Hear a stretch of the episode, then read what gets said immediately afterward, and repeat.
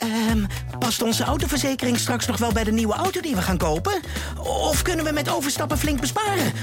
Genoeg van het stemmetje in je hoofd? Even Independeren. Daar word je altijd wijzer van. Vergelijk nu en bespaar. Welkom bij Independer. Psychologie. Spiritualiteit. Wat doet het met succesvol ondernemen? Maar ook met tegenslagen. In Geloof in je zaak durven ondernemers zich daarom over uit te spreken. Met groeiexpert en ondernemer Gerard de Velde als presentator. Welkom bij weer een nieuwe aflevering van Geloof in je zaak. In deze aflevering ga ik in gesprek met Lindy Hensen van Teco en het bedrijf Peel Pioneers. Misschien ken je die grote machines wel die in supermarkten staan, waar aan de bovenkant sinaasappels ingaan en aan de onderkant verse jus uitkomt. Nou, er komt nog iets uit, namelijk gebruikte sinaasappelschillen. En Peel Pioneers gebruikt die schillen en haalt daar nieuwe grondstoffen uit. Peel Pioneers is niet alleen een super duurzaam bedrijf, maar ze zijn ook nog eens succesvol. Ze zijn ook nog eens succesvol. Dat is namelijk niet vanzelfsprekend. Het is er gelukt om 10 miljoen euro op te halen en daarmee de grootste schillenrecyclingfabriek van Europa te bouwen. En dat vind ik cool. Dat je je idealen inzet en ook nog eens echt heel succesvol bent als ondernemer. Je hoort in dit gesprek ook meer over businessvalidatie. Hoe kun je nou een idee waar jij in gelooft zo valideren, zodat je zeker weet dat je er ook echt een bedrijf mee kunt bouwen. Ik wens je heel veel luisterplezier met deze nieuwe aflevering van Geloof in je zaak. Geloof in je zaak. Presentatie Gerard Tevelde. Lindy Hensen, van harte welkom bij de podcast. Dankjewel. Het is leuk om hier te zijn. Yes, in Utrecht. In, ehm, buiten uh, scheen de zon net, want uh, het gaat weer de goede kant op met Nederland. Maar hoe gaat het eigenlijk met jou?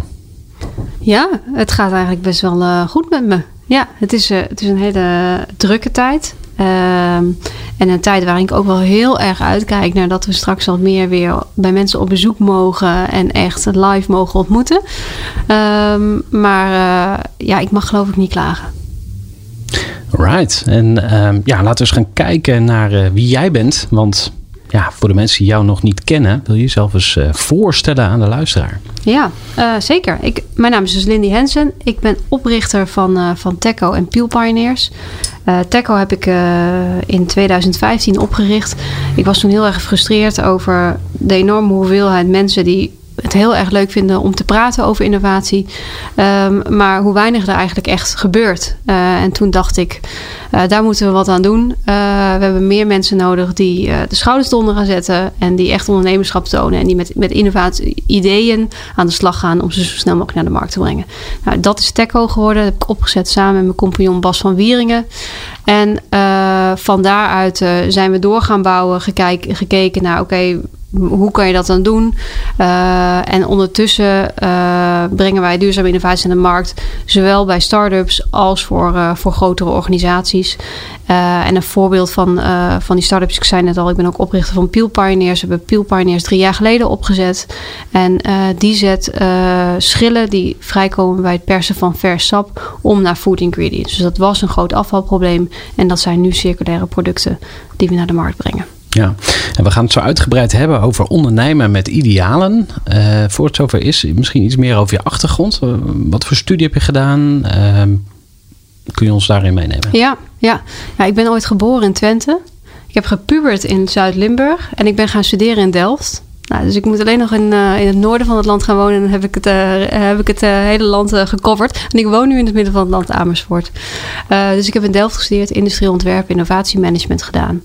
Ja, en daar ook een fascinatie op gedaan voor technologie en wat de technologie voor de wereld kan betekenen. Maar ook dat die potentie nog niet altijd tot wasdom komt. Omdat ja, vertaal technologie ook maar eens naar een gezond businessmodel. En dat is waar ik me heel graag mee bezig hou. Ja, en daar gaan we ook dieper in duiken. Mm. Dus uh, ik heb heel veel, veel zin in uh, dit gesprek.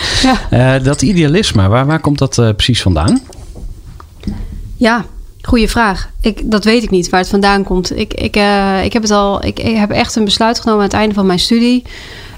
als ik dan moet gaan werken, dan weet ik dat het ergens over gaat. punt. en um, ik heb ook wel mensen die me gevraagd hebben: ja, kreeg je dat in je jeugd mee? Um, en ik, ik, denk wel dat mijn ouders waren daar heus wel mee bezig. Maar ik, ik ben niet, tijdens mijn studie was ik er niet al heel erg mee bezig of zo. Het was echt een keuze bij start van mijn carrière. Dit moet ergens over gaan. Uh, en ik wil aan het eind van mijn leven kunnen zeggen dat, uh, dat ik, uh, of in ieder geval een serieuze poging heb gedaan om de wereld een beetje beter te maken. Ja, mooi. Um, nou, laten we dan nu alvast eens gaan terugblikken op je leven. want je bent het is al een beetje vroeg. Heftig, hè? Heftig, ja. ja ik weet het. want jij, jij, jij hebt dus Teco opgericht, je eerste bedrijf. Ja. Ja. Hoe, hoe ziet dat bedrijf er nu uit? Hoe ziet het team eruit? En ja, uh, uh, we zijn nu met z'n zessen. Uh, en ook nog steeds groeiende. en um, wij we werken nu eigenlijk voor, um, voor vooral voor, nou, eigenlijk voor drie typen klanten zou je kunnen zeggen. We hebben een eigen start-up fonds waarin we investeren en participeren in, in start-ups. Um, en, dat en met participeren bedoel ik dat we ook daadwerkelijk, als we in een start-up start mee gaan bouwen, aan die start-up zelf. Zodat onze ondernemerservaring die we hebben opgedaan bij Teco en bij Peel Pioneers, ja, dat, dat die andere start-ups daar ook van kunnen profiteren. Uh, en dan werken we ad interim eigenlijk aan, uh, aan, aan innovatieprojecten bij grote bedrijven. Uh, en bijvoorbeeld voor provincies die proberen, uh, of andere semi-overheidsorganisaties, die proberen om systeeminnovaties voor elkaar te krijgen. Dus er zijn innovaties die ja, bedrijfsoverstijgend zijn en waarbij je meerdere partijen in de keten nodig hebt om in één keer te bewegen. Daar wil de overheid nog wel eens een onafhankelijke rol in spelen. En dan zijn wij daar bijvoorbeeld kwartiermaker in. Ja, en wat is zo'n voorbeeld van zo'n systeeminnovatie? Um, nou, een voorbeeld is bijvoorbeeld, uh, dat heeft een collega van mij gedaan. Uh, dat ging over uh, de bevoorrading van horeca in de binnenstad. Dat wil je bij voorkeur doen met elektrische voertuigen en op elkaar afgestemd. Dat betekent dat meerdere horecabedrijven met elkaar samen moeten werken. Dat betekent dat je moet kijken naar elektrische vervoer. En dat betekent dat je moet kijken naar het bevoorradingssysteem van de verschillende, van de verschillende leveranciers. Zoals de bierleverancier en, en, de, en de voedselleverancier. En al die partijen samen, die kun je een betere business case laten hebben als ze met elkaar samenwerken. Maar als iedereen het individueel gaat proberen te doen, dan wordt het niks. En dat heeft mijn collega Esther Erging bijvoorbeeld gedaan vanuit, uh, vanuit Accenter. Een programma die dit soort dingen wil doen. Ja, en hadden jullie vanaf het begin het uh, idee om echt ook nieuwe bedrijven te gaan opzetten? Of is dat gaandeweg gekomen? Nee, Hoe, dat uh... is echt gaandeweg gekomen. Want wij, wij starten en, en hadden gezien dat.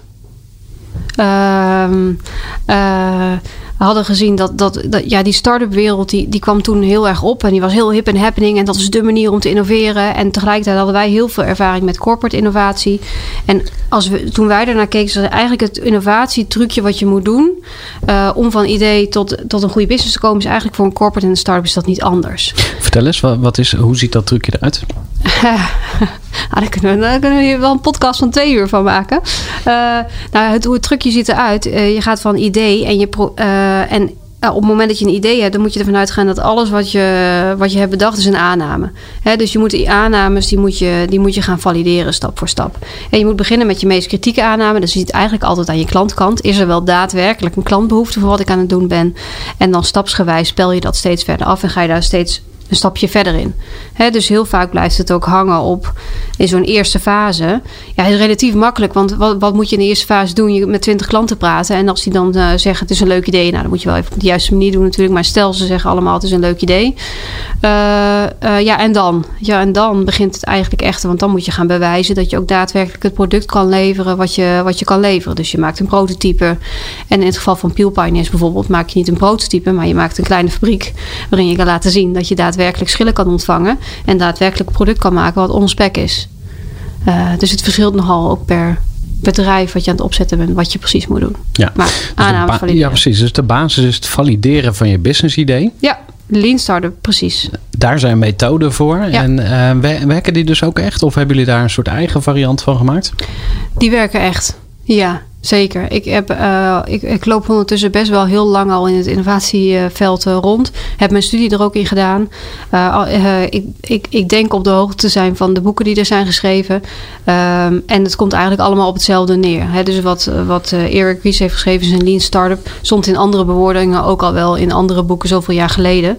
Het gaat om, om aannames valideren en dat stapsgewijs doen. En focus aanbrengen in je activiteiten. Ja, Ja. en eh, om daar nog- even wat dieper in te duiken. Want eh, wat ik in het verleden wel eens meegemaakt heb, is echt het, eh, ik noem dat het schouderklopsyndroom. Dat iedereen zegt, een schouderklopje geeft en zegt, ach wat een leuk idee. En Hm. Ja. vervolgens gebeurt er helemaal niks. Dus Nee. niemand koopt het. Ja. Wat zijn jouw ervaringen daarmee? ja, ken jij het boekje De Mom Test? Nog niet? Aanrader. Ja, dat is een boekje die is, eh, dat is geschreven door. Nou, ik ben de naam van de schrijver even kwijt. Maar dat gaat eigenlijk over de manier waarop je moet interviewen. Dus, eh, en het heet de momtest. Dus als je aan je moeder zou vragen of je vindt dat je een goed idee hebt, je moeder gaat altijd zeggen dat het een goed idee was, want ze houdt van je. En eigenlijk geldt dat niet alleen voor je moeder, dat is voor iedereen die tegenover je zegt. Want die denkt, ah ja, eh, leuke gast, eh, ik ga hem niet beledigen, dus ik ga zeggen dat ik het een goed idee vind.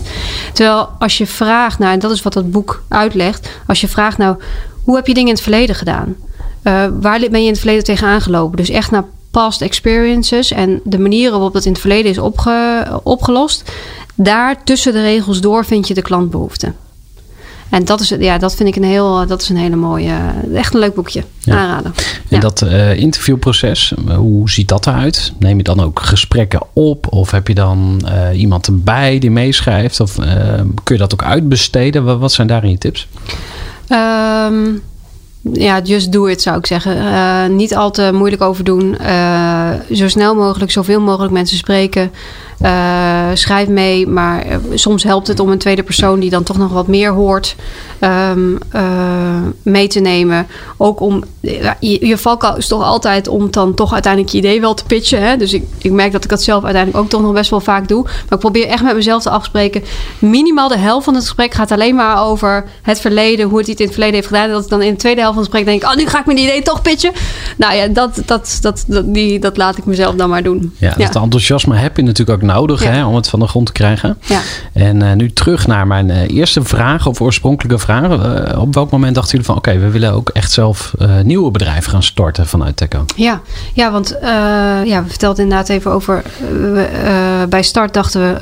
ehm, dat, dat innovatietrucje voor start-ups en corporates is eigenlijk niet anders. Maar je ziet wel dat ze hebben verschillende competenties. Hè. Die start-ups hebben heel veel ondernemerschap. eh corporates hebben heel veel kennis. eh, resources zijn makkelijker te regelen. Er zitten verschillen in. En we zeiden vanaf start eigenlijk, we willen ook wat voor start-ups doen. Maar een businessmodel op start-ups is natuurlijk nog niet zo heel evident. Ehm, ehm, en dat heeft Waarom niet? hè? Of, eh, nou ja, start-ups hebben, hebben gewoon nog minder resources om, om, ehm, om, te, om, eh, om uit te geven. ja, en de resource bedoel je gel- geld met name, denk ik? Of- Ja, geld. eh, geld of, of je moet een, eh, een businessmodel zoeken. Hè, zoals sommige partijen ook hebben gedaan. Waarbij ze zeggen we gaan je begeleiden en dan nemen we een steek in je bedrijf. Ja, dat, daar, daar waren toen de tijd al best wel een aantal partijen in. En daar zagen we toch niet echt direct dat dat on- nou ons ding was. Omdat we echt heel pragmatisch aan de slag wilden. En dus niet in die echte eh, trainingsrol eh, terecht wilden gaan komen. Eh, en dat heeft eigenlijk toe geleid dat we een beetje hebben gekeken. En hebben gezegd, nou laten we gewoon ook eens zelf die ervaring opdoen. Want dan weten we ook, dan kun je beter praten vanuit ervaring. Wat is het nou eigenlijk? Hè? En dat is een, een, een enorm project geworden natuurlijk. waar ik ontzettend trots op ben. Dus dat, ja, dat is wel gewoon heel tof. Ja. Ja. ja. Ehm, nou, laten we daar gewoon lekker op doorpakken. Want eh, ja, wat voor bedrijven zijn er dan eigenlijk ontstaan vanuit Teco? En waar zullen we beginnen zo meteen? Eh, nou ja, het, be- het bedrijf dat is ontstaan vanuit Teco is Spiel Pioneers. Eh, en daarnaast hebben we vanuit het fonds twee investeringen gedaan. En die bedrijven die bestonden al, dus die kan ik niet zeggen dat die van Oh, Teco oké. zijn gekomen. Nee. Kun je Ja. wel claimen, maar Ja, dan, nee, eh, ja. dan komen de brieven, of in ieder geval eh gefronste wenkbrauwen. Ja, ja, dat willen we natuurlijk Nee. niet.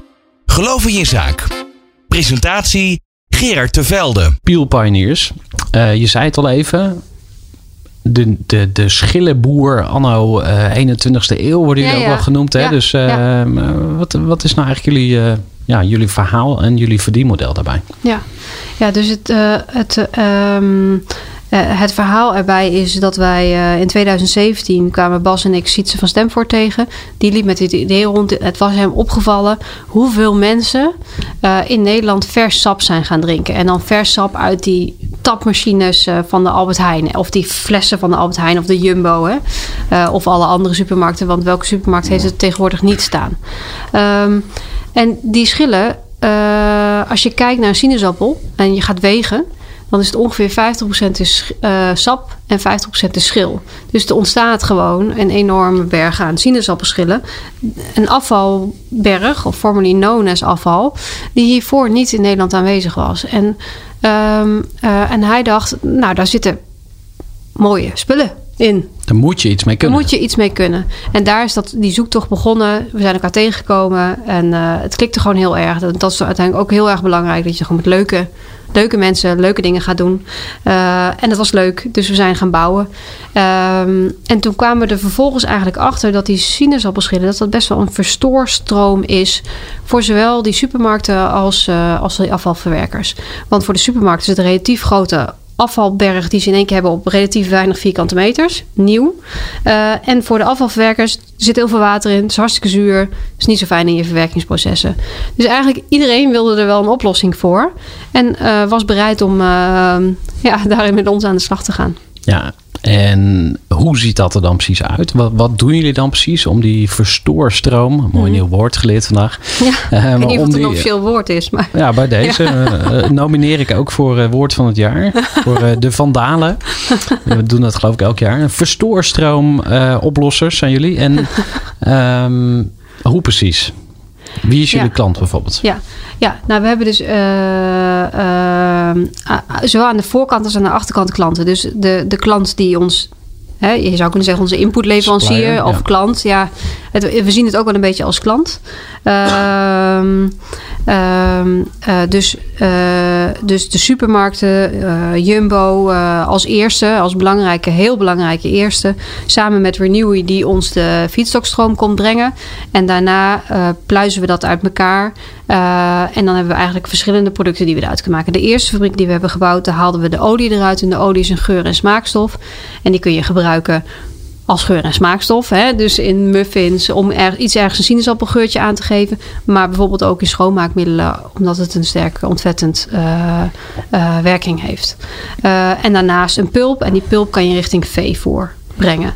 Nou, en de volgende fabriek die we bouwen, dan halen we er nog veel meer producten uit.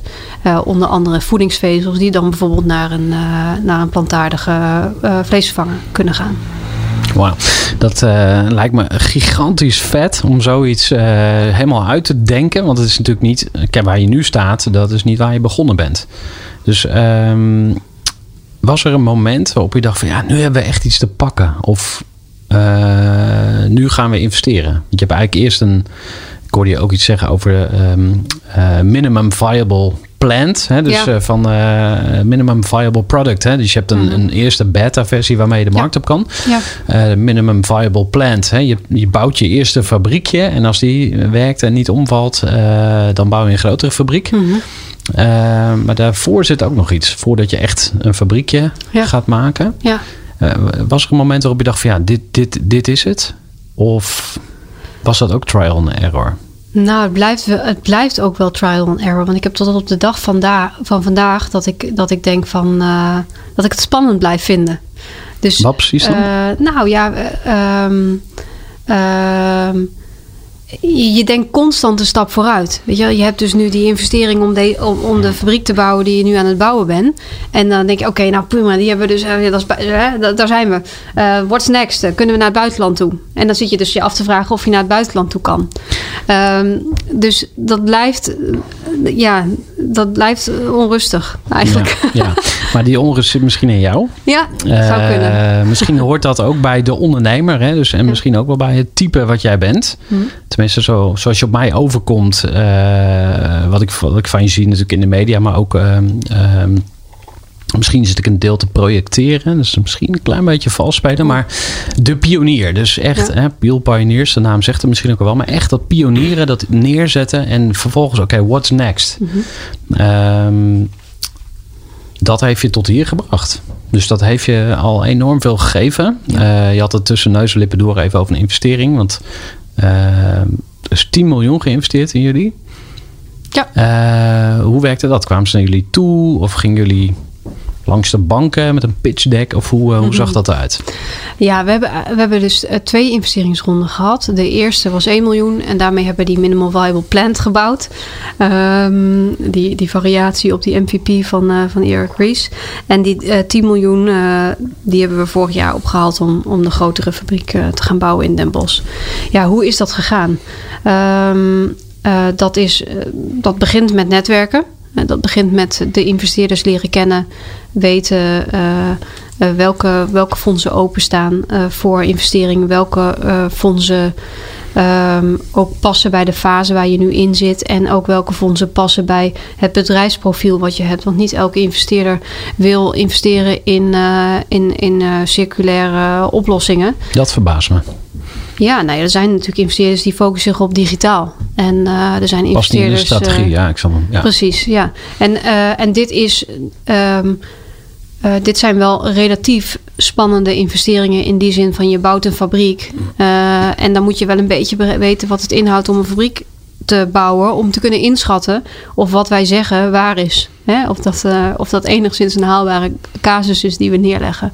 Dus het zijn, uh, het zijn dan, en dan selecteer je al vrij snel door naar een, bepaalde, een bepaalde partij die dat kunnen doen. En volgens ga je op zoek naar de juiste mix van partijen. Hè? Dus een deel bank, bankfinanciering en een deel private equity investering. En een deel kan dat komen vanuit, vanuit de regionale ontwikkelmaatschappijen. In ons geval de BOM, die heeft ons fantastisch geholpen, zowel in de eerste als in de tweede, tweede ronde.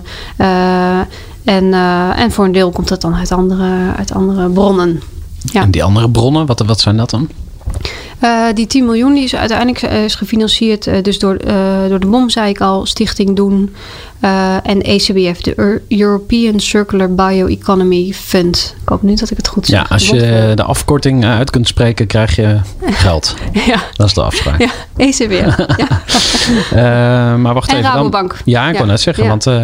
Dus oké, okay, en dus je hebt die 10 miljoen bij elkaar gekregen. Ja. Ging je ook de boer op, zeg maar, met dat bedrag in je hoofd? Van, hé, hey, ik heb een plan en ik heb al even uitgerekend, het moet zoveel zijn? Of...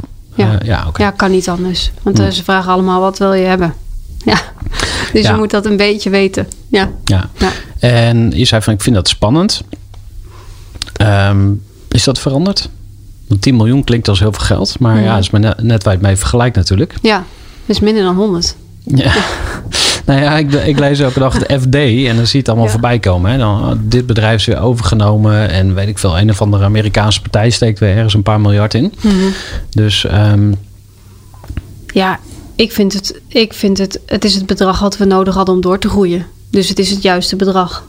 Ehm, en uh, ik heb nog nooit 10 miljoen binnengehaald, dus ik vind het veel.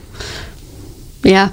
Uh, en uh, in de volgende ronde zullen we veel meer nodig hebben. Ja. Dat is ook duidelijk. Ja, ja. want die, die volgende ronde die, uh, die gaat er komen. Of dat is in ieder geval de ambitie. Uh, ik had even als, als een notitie opgeschreven. Uh, Peel Pioneers. Engelse naam. Hebben jullie vanaf dag 1 ook dat meegenomen in de naamgeving? Van oké, okay, het moet ook internationaal schaalbaar zijn. Nou, nee. Dat denk niet dat. dat de, ik denk wel dat we gelijk. Wat we wel gelijk zeggen. We willen de schillenboer worden van de 21ste eeuw. En daar zit een grote ambitie in. Dat we. We hebben niet gelijk al gezegd. Dat moet zich vertalen naar vijf locaties. En weet ik veel wat. Het is gewoon de schillenboer van de 21ste eeuw. Dus een substantiële speler worden in de schillen markt die er is in Noordwest-Europa of in Europa. Nou, dan, dan zeg je wel wat. Maar als je dan vervolgens te lang gaat nadenken over wat er allemaal voor nodig is. Ik denk dat je dan tot stilstand komt. Omdat je denkt, nee, deze uitdaging is zo groot. Dat, waar moet ik dan toch beginnen? Terwijl als je dan vervolgens zegt, oké, nou prima, dat is de ambitie. Leggen we even neer. Wat moeten we eigenlijk nu vandaag doen om het eerste stapje te zetten? Dan kom je tot actie. Uh, en daar, ik denk dat dat ook wel echt een, ja, dat is ook wel een tip. Weet je, gewoon van probeer ja, groots denken. Maar laat het dan vervolgens ook focussen daarna, direct daarna ook op wat kan je dan vandaag doen.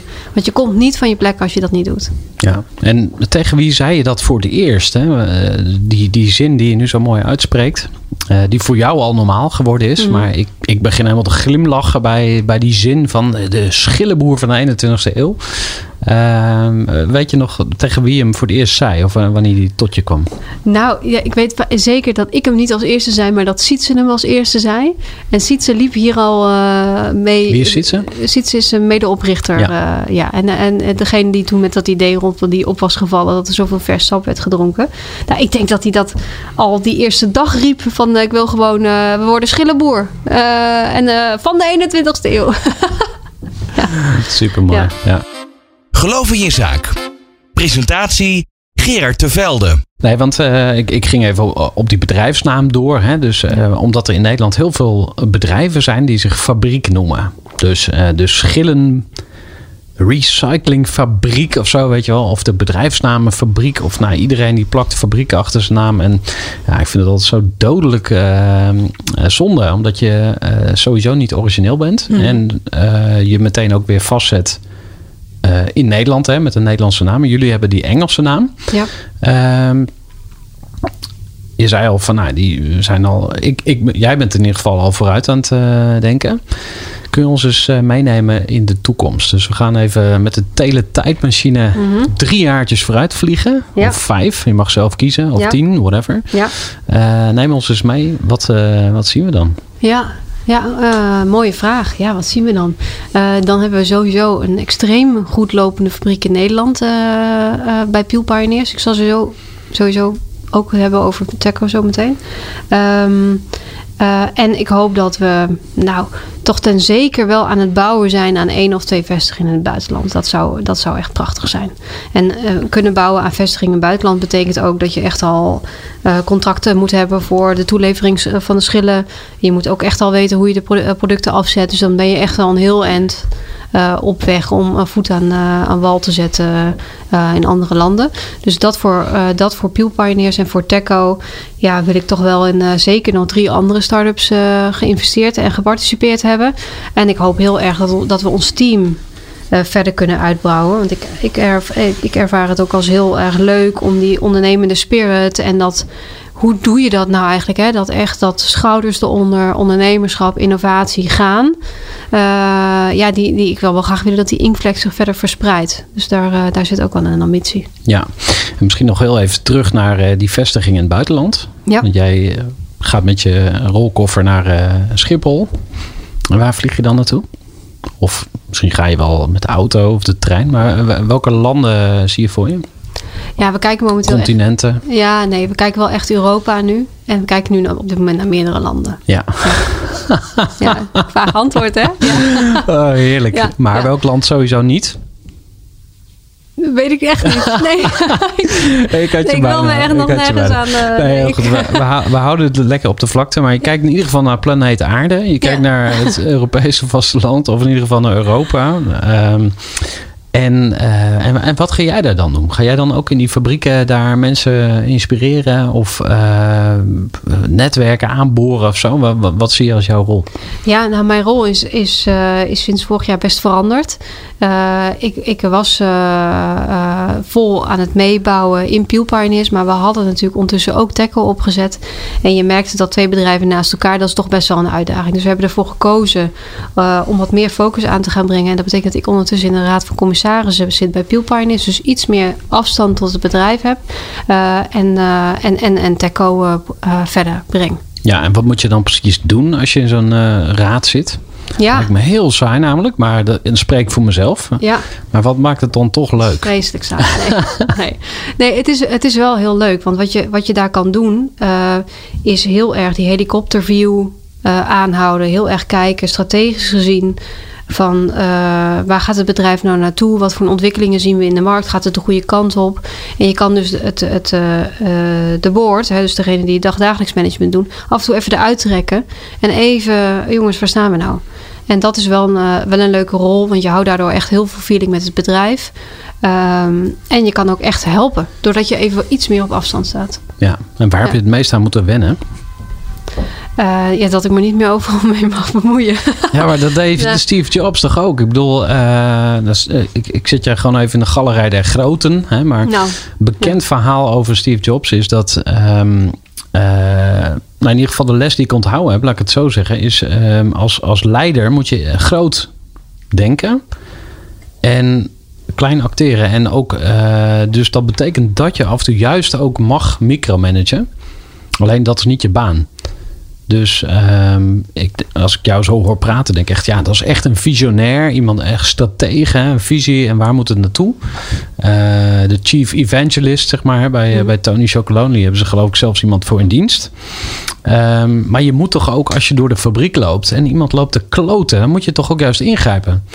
Dus eh, hoe zie jij dat? Ja, dat, dat moet je zeker doen. Alleen als raad van commissarissen loop je gewoon niet dagelijks over de, over de vloer. Dus eh, dat doet de, de dagdagelijks management. Dus ja, zeker moet je, moet je af en toe eh, dat doen. Ehm, maar eh, dat zal in mijn rol niet vaak voorkomen. Als ik er ben, zal ik het doen. Maar eh, ja. Ja. Heb je gedacht aan vermommingen? Een hoedje en Hmm. een snor en dan... Oh, nou. Weet Zomaar niet een tip, mij staat. Nee, maar het bredere onderwerp wat we hier aanraken is eigenlijk delegeren. Hè? Dus ook los van, Ja. jou, van jouw ehm, eh, persoonlijke of jouw, jouw eigen situatie erin. Maar ik, ik spreek met heel veel ondernemers, ook eh, zowel groeiclubleden als, als niet-groeiclubleden. En bijna iedereen heeft een beeld van hoe het zou moeten zijn. Mhm. En bijna iedereen erkent ook dat je eh, daarvoor anderen nodig hebt. Ja. En bijna iedereen worstelt met het feit dat dat eh, geen robots zijn. Met andere woorden, Mhm. eh, het liefst zou je gewoon medewerkers hebben die gewoon 100% alles snappen en precies doen zoals jij het wilt. Gewoon minimies. Ja, dat ja, inderdaad. En dan, ah, dan doen ze toch weer iets anders. Ja, ik vind het zelf bloedirritant. Ja. Dan denk ik van, Ja. ik heb het toch uitgelegd. Ja. Nou, ik, ik hoorde vanochtend een podcast met de COO van, eh, van een Amerikaans bedrijf. En die zei, ja, één keer iets uitleggen, dat telt gewoon niet. Dus je moet het, je moet het wel tien of wel twintig of misschien wel honderd keer... eh, eh, nou ja, uitleggen klinkt alweer zo schools. Maar ehm, nou, die, die had het in ieder geval over die communicatie. Ja.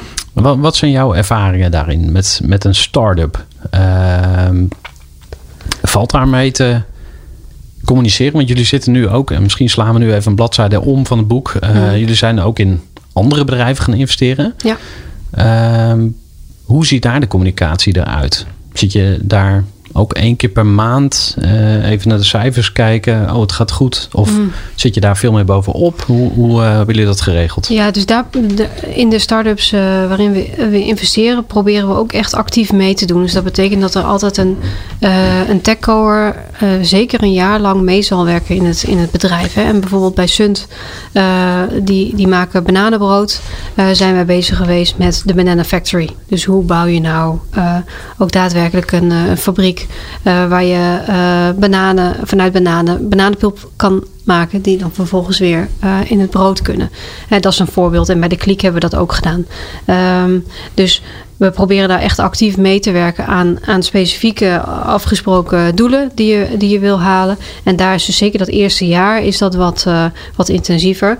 En eh, we komen nu bij de- deze twee die ik net noemde uit dat, uit dat eerste jaar. En daarna ja, wordt het iets meer op afstand. Want het is ook niet jouw bedrijf. Hè? Er zijn anderen die hebben dat opgericht. Er zijn anderen de ondernemers. Zijn, dus dan moet je ook op een gegeven moment moet je dan ook weer zeggen: hey, jullie weten, we kennen elkaar nu heel goed. Dat is het voordeel van het eerste jaar.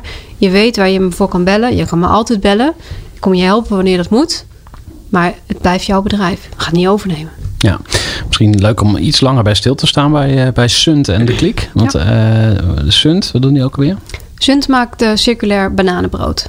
Nou, als ik nu zeg maar traditionele denker ben, dan denk ik echt, oh god, dan heb je ze weer. Hè? Die idealistische ondernemers, die willen circulair, ook zo'n buzzword. Mhm. Ehm, en toch kan je blijkbaar een business mee bouwen. Ja, maar Dus- dat, dat is voor mij voorwaarde. Want duurzaamheid is prachtig, maar wel met een, duurza- met een business case eronder. Dus eh, eh, Bas zegt altijd: duurzaam hoeft niet duurder te zijn. Eh, en eh, dat is wel iets waar wij voor strijden. Ja, Ja. misschien leuk om daar eens wat eh, dieper op in te duiken. Het verdienmodel. En dan gaan we straks ook nog over de kliek hebben. Want daar is ook een bas bij betrokken. Moest de groeten van hem hebben. Dank. Daar komen we straks nog verder op. Ehm, maar Sunt, hè, dus even als voorbeeld. Ik wil circulair. Nou, voor mij is dat een jeukwoord. Hè, dus eh, voor zover dat nog niet overgekomen was. En verdienmodel is voor sommige andere mensen een jeukwoord. Dus, maar je hebt ze wel allebei nodig. Hè? Dus een missie, echt, een, echt ook een probleem oplossen. En dan daar geld mee verdienen. Nou, Ja. sommige mensen gaan dan een beetje huiveren bij een van de twee. Jij niet. Je Nee. combineert het. Ja, Vertel. ja. Nou ja, ik, ik denk dat het een niet kan zonder het ander. Uh, um, uh, we, leven nou eenmaal in een wereld waar we een economie hebben, uh, waar, uh, waar, waar geldstromen zijn. Dus moet economisch gezien moeten, moeten, moeten dingen ook blijven rollen. Ja, dus, dus moet je iets, iets verzinnen wat een, wat een businessmodel heeft en waar een verdienmodel onder zit. en dat mag je van accepteren dat het weinig of veel is, maar gewoon een gezond verdienmodel. Um, en, en, en duurzaamheid is in mijn ogen ook een, een must. Dus we kunnen niet, we zijn gewoon echt wel aan het interen op, uh, op de aarde. En daar moeten we ook wat aan doen. Dus als je die twee kan combineren, dan pak je het beste volgens mij van twee werelden. En ik ben daar echt helemaal niet vies van. Ik vind dat heel, uh, heel gezond. Ja. Um, ja, en de weg voorwaarts. Ja. ja. En wat is dan precies de definitie van winstgevendheid? Wanneer is een bedrijf ongezond? Wanneer is het gezond? En wanneer is het te gezond? Hm. Dat zou ook nog kunnen. Maar waar ligt uh, Kun je daar eens wat over zeggen? Nee, dat vind ik heel moeilijk om daar wat over te zeggen. Omdat dat, dat verschilt per bedrijf. Dat verschilt ook voor het, uh, per risicoprofiel. Kijk, als het risicoprofiel van een bedrijf heel hoog is, dan vind ik het ook heel terecht dat er, dat er, meer, dat er een hogere marge wordt verdiend. Omdat je vet op de botten wil, uh, wil hebben voor als een keer iets misgaat. Um, ja, ik, ik, ik kan daar niet, uh, niet harde cijfers uh, aan zetten. Maar ik vind het niet gek dat iets winstgevend is. Uh, ik heb wel, weet je, als het gaat drie keer naar zakkenvullerij, dan, dan moeten we gaan opletten. Maar ik heb daar niet een heel duidelijk beeld bij van wanneer is voor mij dan het keerpunt dat iets zakkenvullerij wordt. Want dat is, ja, ik vind ook dat een ondernemer ook wel gewoon beloond mag worden voor het risico wat hij neemt. Ja, want uh, we hadden het net over uh, terugkijken op je leven. Uh, wat, wat, is het moment waarop jij zegt van nou dan wil ik eigenlijk toch wel lekker op een strandstoel zitten? Zo snel mogelijk. en het liefst over de rug van anderen. Nee, geintje, geintje. Ja. Maar um, heb je een soort pensioneringsdatum in gedachten of leeftijd? nee, ik heb daar niet. nee, want ik denk ook niet dat ik. Ik vind het gewoon heel leuk om dingen te doen. Dus wat is pensionering precies? Ik denk dat. Ik kijk eerder naar uh, een soort financiële onafhankelijkheid. Hè? Ik weet niet of je al eens van FIRE hebt gehoord, maar ja. uh, Financial Independent Retire Early. FIRE? Ja. Dat is Financial Independence. Retire early? Ja, ja volgens mij dus, staat het daarvoor. Ja, ja. ja, ja. En, en dat gaat veel meer over hoe... Hè, hoe uh, Zo snel mogelijk met pensioen gaan. Toch? En zo vertaal, ja. zo vertaal jij dat? Uh, sorry, ik onderbreek je. Dat is helemaal niet professioneel. Dus terug naar jou. Nou ja, kijk, zoals kijk ja, je, kan het, je kan het zo vertalen. Maar zoals ik het zie, gaat dat veel meer over. Um, uh, dat je, je je keuzes niet meer hoeft te baseren op het feit dat je geld moet verdienen. Daar gaat het om. En gaat, het gaat dus over keuzevrijheid en het gaat over flexibiliteit. Uh, veel meer dan dat het gaat over. Er is over vijf jaar een datum. En dan, uh, en dan flikker ik mijn uh, computer uit het raam. En dan zeg ik: dikke doei tegen iedereen. Want daar gaat het helemaal niet om. Het gaat er veel meer om over. Goh, ik merk nu dat het tijd is om een jaar een sabbatical te nemen. Ik denk dat ik dat maar eens doe. En dan ga ik over een jaar daarna wel weer ondernemen. dus dat soort flexibiliteit en vrijheid en onafhankelijkheid, daar gaat dat voor mij over. Ja. Veel meer dan een pensioneringsdatum. Ja, nou ja, ik zoek natuurlijk een klein beetje het, het, uh, de wrijving ook op. Uh, want um, het is gewoon zo'n belangrijk onderwerp, die, die vrijheid. Hè? Dus heel veel ondernemers die, uh, als je ze vraagt van waarom, waarom, heb, je, waarom heb je eigenlijk een eigen bedrijf? Ja, ik wil gewoon nou ja, iets moois maken, maar vooral vrijheid. Ja. En um, tegelijkertijd, ja, voor je het weet, uh, zit je agenda weer vol met allerlei afspraken. Dat heb je blijkbaar zelf gedaan of toegestaan. Um, en goede voornemens over als ik ooit. Hmm. Dan, ja. puntje, puntje. Hè, dus dan ga ik een grote reis maken. En ik had vanochtend nog een ondernemer bij de Groeiclub. Die zei ook van... Uh, ja, nee, ik wil gewoon met mijn gezin uh, op reis. Dus ik dacht, nou, je gaat een half jaar ergens naartoe. Dat bleek zes weken te zijn.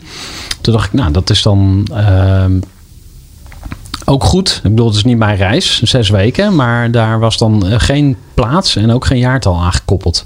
Terwijl oh ja. het soms wel goed werkt natuurlijk om, als je een doel hebt, om uh, het ook wat concreter te maken. Of is dat niet nodig volgens jou? Ja, het helpt wel degelijk om doelen concreet te maken. Ja, ja, ja. Dat is, uh, voorbeeld bij Pielpijn is hebben we op een gegeven moment gezegd van nou wanneer willen we nou eigenlijk die volgende friek hebben staan. En dat je dan gewoon zegt oké okay, dan. Dat helpt wel. En dat het dan iets later wordt, prima. Maar anders was je nog later geweest. Dus ik geloof wel dat het helpt om doelen te stellen. Ja, absoluut. Ja. En mag dat dan ook een doel zijn wat op jezelf gericht is? Ja, natuurlijk mag dat. Ja, ja, ja. Ik ga overigens ook zes weken met mijn gezin op reis. Deze zomer. Ja. Lekker. Ja. Waar ga je naartoe? Eh, we, hebben een camper, eh, we hebben een camper gehuurd en eh, we gaan zwerven. Ja, dat is het plan. Gaan we ook doen. Super vet. Ja. Geloof in je zaak. Presentatie Gerard Tervelde. Ja, want dat was mijn volgende vraag. Dus eh, wat, wat, wat zijn dan jouw persoonlijke doelen? Ehm, ja, eh, eh, door blijven leren, leuke dingen blijven doen. Ehm, ik, ehm, ik vind, eh, eh, ja, wa- waar we het net even over hadden, van eh, dat doorgroeien en je gaat maar door en je gaat maar door. Eh, ehm, ja, ik, voor mijzelf is, zou je kunnen zeggen, kun je dat nou altijd gecontroleerder laten doen? Hè? Dus kun je ook mensen om je heen verzamelen die zeggen, Lindy, supergoed idee, gaan we ook zeker doen. Maar misschien moeten we het even in een volgorde zetten. Hè? Dat we het niet allemaal morgen hoeven te doen, maar misschien kunnen we eerst deze doen en dan die en dan die. En bewust van zijn dat ik daar, hè, misschien gaat het ook niet lukken dat ik dat zelf leer. Maar dan kan ik de mensen om me heen misschien organiseren die dat dan met mij gaan doen. Hè? En da- daardoor ontstaat er zo'n juiste balans in de onderneming. En nou ja, dat relateert dus aan persoonlijke doelen, maar ook weer aan uiteindelijk het doorgroeien van het bedrijf. Eh, want hoe verder je doorgroeit, hoe ook ja, steeds meer andere verantwoordelijkheden je op je pad komen. En daar moet je dus wel in meegroeien. CQ, ontdekken dat het niet bij je past. En het dan eh, andere mensen vinden die dat wel heel goed kunnen. En dat is een beetje het zoekpad nu ook. Hè? Van oké, volgende groeifase. Andere rol ook. Hè? Eh, binnen Techo, binnen Peel Pioneers. Nou, hoe, hoe richt je dat in? Ja, ja het lijkt me een interessante puzzel. En zeker ook omdat privé natuurlijk meespeelt. Hè. Ik heb zelf een dochter van twee en eh, een dochter of zoon die onderweg is. Eind juli eh, dit jaar eh, komt hij of zij ter wereld. Leuk. En we hadden het in het voorgesprek ook al even over. Hè, van ja, hoe combineer je dat nou allemaal? Ehm, wat is jouw beste tip daarvoor? Nou, tijd afblokken voor je gezin. Gewoon afblokken en daar heel duidelijk over zijn naar iedereen die het, eh, voor wie het relevant is. Eh, en dat, eh, dat helpt. En daar gewoon, ja, ik ben niet bereikbaar op vrijdag. Nou, soms dus wel, maar over het algemeen niet. En, en daar staat in mijn agenda wanneer ik de kinderen ophaal van de crash. En dan haal ik de kinderen op van de crash en neem ik telefoon niet op. Het helpt wel om gewoon te timeblokken. Ja. En wanneer, wanneer ben je nou echt tevreden? Ehm, er zijn heel veel momenten dat ik tevreden ben. Eh, ehm, eh, als, ik, eh, als ik een fijn moment heb met mijn gezin, dan ben ik heel tevreden. Als we leuke dingen aan het, aan het doen zijn. Ehm, ik ben ook, ook tevreden op het moment dat ik sta te borrelen met, met het, met het Teco-team. Dan kijk ik om me heen en denk ik, jee, mijn god, hebben we het leuk met elkaar. En eh, wat zijn we mooie dingen aan het doen. En ik ben ook heel tevreden als ik eh, binnen een project een bepaald resultaat kan boeken. Wat ik, eh, wat ik vooraf had bedacht dat ik dat graag wilde boeken. Dan word ik wel heel blij. Ja. Ja, interessant. Ja, ik, ik worstel hier zelf wel eens mee. Dat ik denk van ja, je hebt, je hebt gewoon echt wat bereikt. Ik heb vorig jaar bijvoorbeeld eh BNR Dutch Podcast Award gewonnen. En dan toch als iemand tegen me zegt van oh, wat leuk, gefeliciteerd. Dan zeg ik ja, nou ja, goed. Ja, ik vind het eigenlijk raar dat ik hem gewonnen heb. En eh, ik zie het vooral als een aanmoedigingsprijs. Dus in plaats van dat ik gewoon het in ontvangst neem. ja, Hè, dus ontvangen is wat dat betreft ook een, een kunst op zich. zeker. Ja. Ehm, in plaats van altijd maar die red race. Heb jij daar wel eens eh, eh, zo'n ervaring? Dat je ook denkt van ja, ik moet beter worden in ontvangen? Eh, ja, ik denk dat ik daar wel beter in zou kunnen worden. Ik merk dat ik heel snel. eh, eh, ik, ik had eh, afgelopen vrijdag een grote go voor een project wat ik voor een, eh, voor een eh, grote klant doe. Ehm, en dan eh, merk ik dat ik op weg naar huis ga ik mensen bellen om alweer te spreken over de volgende stap en wat moet er hierna allemaal gebeuren en al die, dat allemaal klaar te zetten. En aan het eind van het gesprek zei ik tegen degene die sprak van, ah, Jeetje, ik belde je eigenlijk om je te feliciteren met deze stap. En ik begin gelijk met je te praten over wat er nu allemaal moet gebeuren. Sorry daarvoor. Ik ga nu ophangen. Geniet even van het succes. Maar ik hing op. Ik dacht, dat had ik uh, van tevoren moeten bedenken. ja. ja. Ja. ja, dat is ook wie je bent. Dus, uh, ja, ja, ja, ja, klopt. Ja. Dat is ook oké okay of zo. Tenminste, ik probeer mezelf wat meer te accepteren. Ja, nee, het is ook oké, maar ook dan kun je dus weer. En vervolgens uh, had ik het er met mijn man over afgelopen weekend dat dit gebeurde. En toen zei hij tegen mij: Ja, maar heb jij überhaupt aan het uh, Teco-team. daar, ben je daar, heb je bij stilgestaan dat dat voor jou een belangrijk moment was? Heb je het verteld?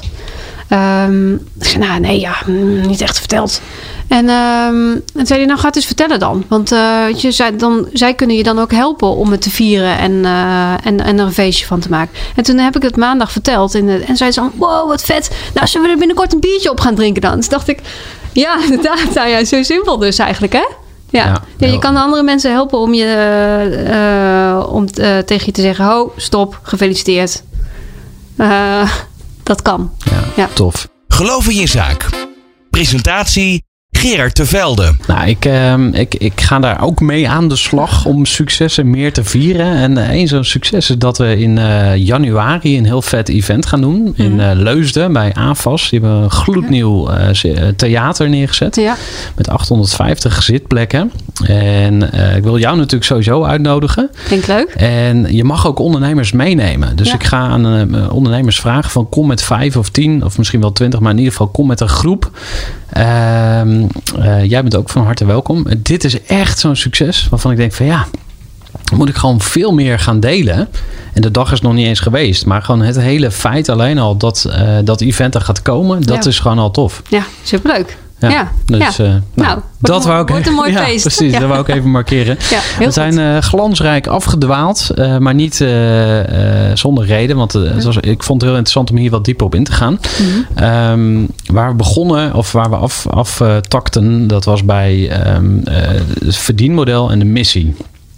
Uh, hè, dus we hadden het over, uh, je bent missiegedreven mm. uh, als ondernemer. En om dat te kunnen fixen heb je ook geld nodig. Dat, dat hebben we besproken met Sunt.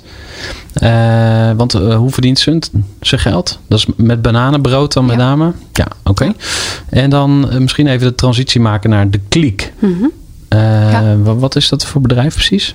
Uh, nou, de kliek is uh, opgezet. Nou, je refereerde net al even naar, naar Bas van Abel en, en Anja Syriakova en Steven Keulemans. Want die zijn van Fairphone bekend, denk ik met Bas name. van Abel is bekend van Fairphone. Ja, oké, okay, ja. ja. ja. en zij hebben de kliek opgezet om eigenlijk aan de rand van de stad hubs op te zetten... waarmee ze grondstoffen kunnen ophalen bij horeca... en, die, en daar op die hubs op te werken naar circulaire producten toe eventueel met samenwerkingspartners. Uh, ze hebben nu een eerste hub in, uh, in Utrecht uh, en zijn dat verder aan het uitbouwen ook naar andere steden toe. Um, en hun verdienmodel is um, grondstoffen ophalen en vervolgens circulaire producten verkopen. Ja, hey, en um, wat, wat is er dan voor nodig bij jullie om echt te geloven in zo'n bedrijf, zeg maar, om daar echt ja, in te stappen?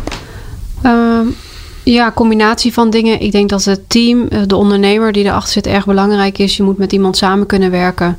Ik, ik blijf er elke keer opkomen. Steeds, eigenlijk nee, ik blijf er niet opkomen. Ik denk steeds meer besef ik me hoe belangrijk het is om met mensen te werken waar je gewoon een klik mee hebt. Waar je gewoon bij wijze van bij het eerste gesprek voel je al een bubbel in je buik. En je hebt gewoon gelachen. En je denkt, ja, hier, hier zit een bepaalde energie op. Uh, dat is denk ik één heel belangrijk. En twee, uh, gaat over het businessmodel. Geloof je erin?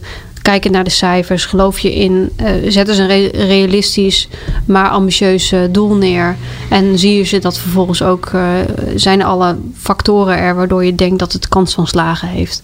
Wat niet wil zeggen dat het ook slaagt, maar dat het kans van slagen heeft. Ja, en heb jij dan ook als iemand uit de droom moeten helpen? Die kan pitchen en die helemaal geloofde in zijn of haar business idee. En dat jij moet zeggen van ja, nee, het klopt niet. Of ik voel het niet. Of uh, ja, dit gaat hem niet worden. Nou, we krijgen natuurlijk regelmatig startups binnen die graag willen dat we in, in ze investeren. We, we zeggen ook regelmatig nee. Um, maar ik zeg nooit nee, omdat ik uh, met de boodschappen. En ik geloof ook niet dat je start-up ooit gaat vliegen. Ik vind dat niet aan mij om te zeggen. Um, ik denk dat een start-up kan wel of niet bij ons, ons passen.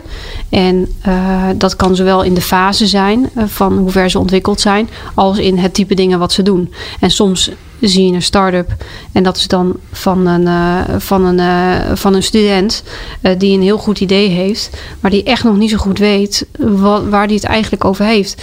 Maar ik vind het desondanks super dapper dat hij eraan aan start. Maar hij is gewoon echt nog te vroeg om dan bij ons te, te komen. En ik ben ook niet een, een accelerator die hem daar dan in kan gaan begeleiden. Dus dan is het antwoord nee. Maar niet omdat ik niet denk dat, om, omdat ik denk dat een student dit niet zou kunnen.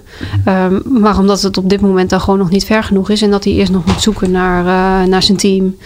en nog wat meer eelt op de ziel moet kweken, zeg maar. Ja, denk jij wel dat jonge mensen. Nou, ik kan beter. Uh, ik probeer er een vraag van te maken, maar ik wil, wilde eigenlijk iets zeggen. En dat is het volgende. Uh, als ik kijk welke ondernemers lid worden bij de Groeiclub, dan zijn dat bijna altijd ondernemers die wel iets verder zijn. Dus die echt al wat vlieguurtjes gehad hebben. Die snappen dat je veel beter kan samenwerken dan uh, alles maar zelf uitvogelen. dus dan heb ik weer zo'n ja, ik noem het even oneerbiedig een blaag. Zeg maar gewoon iemand die dan 21, 22, 23 is. Dus voor alle 21, 22 en 23-jarige luisteraars, let goed op, want ik ga nu iets zeggen over je. Um, nee, ik ga het zelf wel uitvogelen. En aan de ene kant denk ik, ja, good for you. Aan de andere kant denk ik van, come on, weet je wel. Um, stel je open voor ideeën van anderen. Snap dat um, als je succes wil, hoe je succes ook definieert, dat dat veel sneller komt met de juiste mensen. Mm -hmm. Had jij ja. dit ook toen je zelf uh, 22 was? Ja. Oké. Okay. Wij hadden echt vanaf dag één hadden wij een raad van advies. En ik geef uh, echt ruiterlijk toe dat we ze uh, echt wel vaak genegeerd hebben. Maar wij hebben echt vanaf dag één, 2008 zijn we begonnen, hadden we een raad van advies.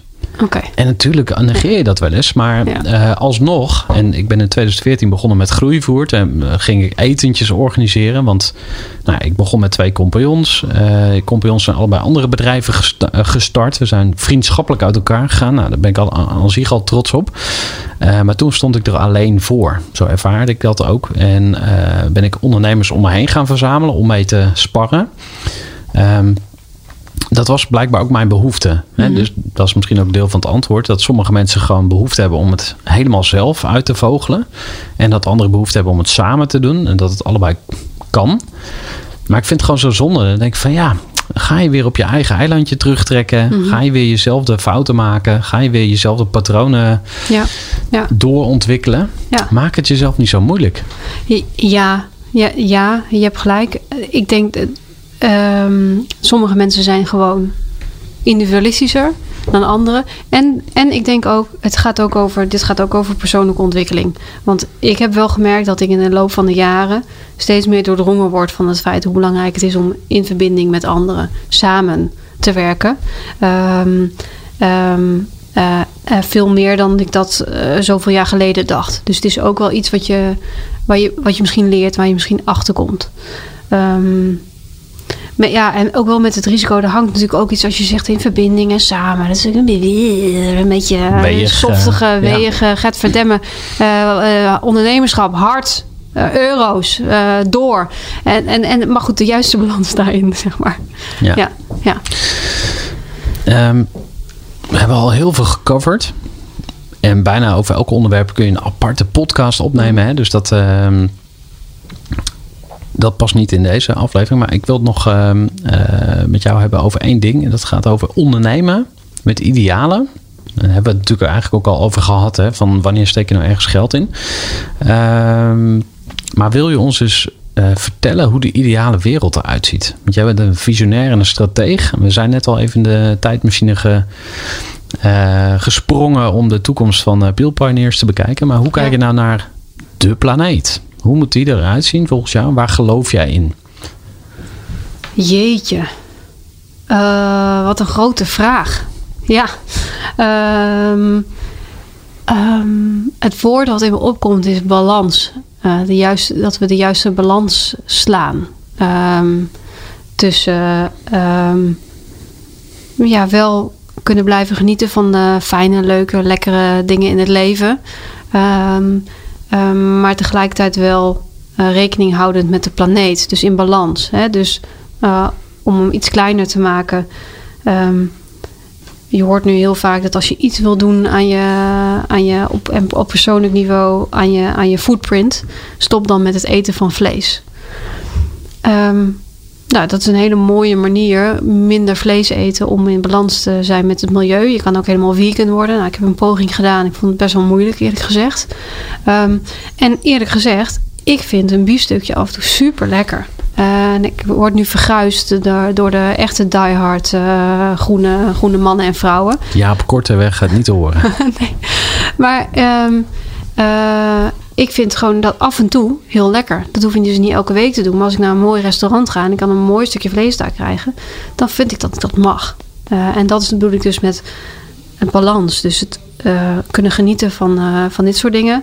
En dan de rest van de week dat misschien niet doen. Nog steeds lekker eten, maar dat misschien dan niet doen, omdat je weet dat dat niet in balans is met, met, met, met, het, met het milieu. Nou ja, zoiets. Balans. Ja. Ja, mooi. En dan sluiten we denk ik ook af. Uh, hoe pijnlijk ik het ook vind. Maar we kunnen nog even kletsen, doorkletsen bij een kopje thee. Uh, wat, uh, wat is het, het, eerste wat in je opkomt... wat ondernemers volgens jou dan moeten gaan doen of laten... om He, dus als je er even van uitgaat dat de ondernemers kunnen bijdragen aan die, aan die ut utopische visie die je hebt. uh, die, dat, dat klinkt alsof het niet haalbaar is, maar dat. Nou, de, niemand heeft gezegd dat een utopia niet haalbaar is, toch?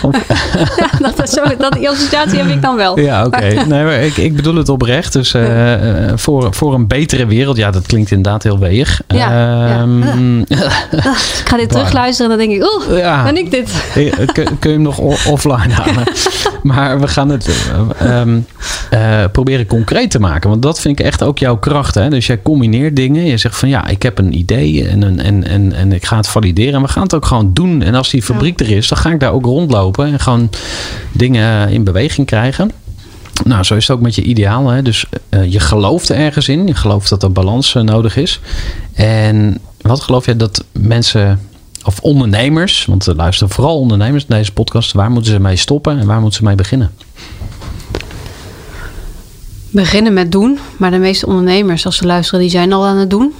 Um, um, uh, doen en experimenteren. En uh, ondanks dat ergens veel risico's aan zitten, die risico's heel gecontroleerd uh, mitigeren en verder komen. Dus niet ongecontroleerd risico's nemen, maar gewoon nadenken voordat je wat gaat doen en dan zo snel mogelijk gaan doen. Uh, dat. En ja.